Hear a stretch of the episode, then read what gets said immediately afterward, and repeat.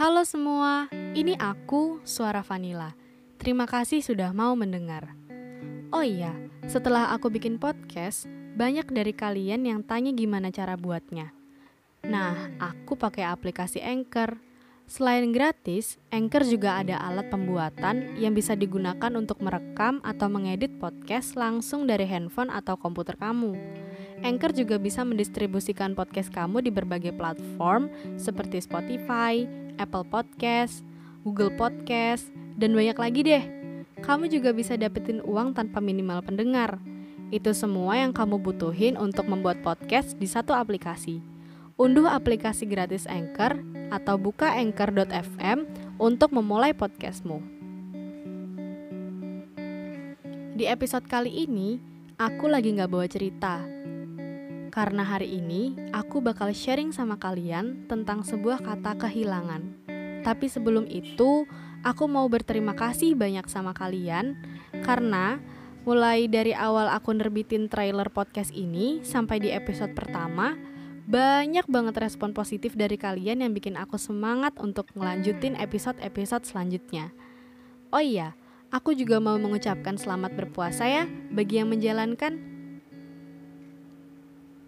Kehilangan, sebuah kata yang pasti semua orang pernah rasakan. Kehilangan itu menurutku bukan cuma berarti hilang atau pergi, tapi juga perkara meninggalkan. Pernah nggak kalian jadi orang bodoh cuma karena kehilangan? Itu mah bukan pertanyaan kali ya. Karena memang pada kenyataannya nggak ada orang yang baik-baik aja setelah kehilangan Apalagi ketika kita kehilangan sesuatu atau seseorang yang paling bermakna dalam hidup kita. Tapi nih ya, kadang kehilangan itu ngajarin kita untuk jadi sosok yang baru, sosok yang lebih kuat dari sebelumnya. Karena pasti nih, pasti banget, ketika kita kehilangan sosok yang bermakna, pasti akan ada dorongan atau sesuatu yang buat kita terdorong untuk melakukan yang lebih baik ke depannya. Karena aku pernah ngalamin itu, dan aku yakin bukan cuma aku aja, tapi kalian juga. Coba deh kalian pikir, semisal nih, kalian putus. Eh, tapi jangan putus beneran ya. Semisal aja, kalian putus dan saat itu pasti akan ada dorongan dari diri kalian sendiri untuk berubah. Entah itu penampilan, sikap, atau hal-hal yang paling kelihatan lah dari diri kalian. Dan itu adalah hal yang cukup baik menurutku. Emang siapa yang mau stay di circle yang gak menguntungkan buat kita? Siapa tahu kan, setelah kalian merubah penampilan atau sikap kalian, justru banyak orang yang tertarik gitu sama sosok baru yang ada di diri kalian. Dan aku sepenuhnya dukung kalau kalian mau merubah diri jadi yang lebih baik.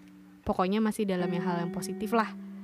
Dan sebenarnya kehilangan juga menguntungkan loh, serius nih.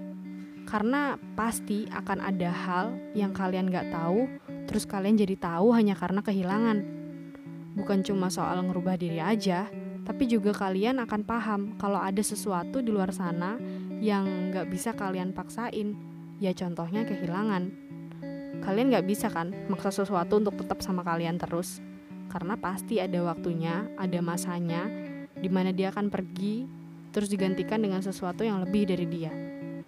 Dan kalian harus percaya itu, karena pasti masih banyak banget kan orang-orang di luar sana yang kurang percaya sama hal-hal yang begitu.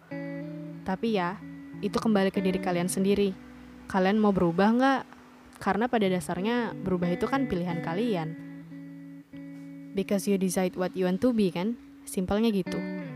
Jadi kalian harus tahu dulu kalian mau ke arah yang mana. Baru deh kalian bisa memutuskan untuk mau jadi seperti apa. Karena pada hakikatnya, berubah adalah keputusan, bukan keterpaksaan. Sampai ketemu lagi di episode selanjutnya.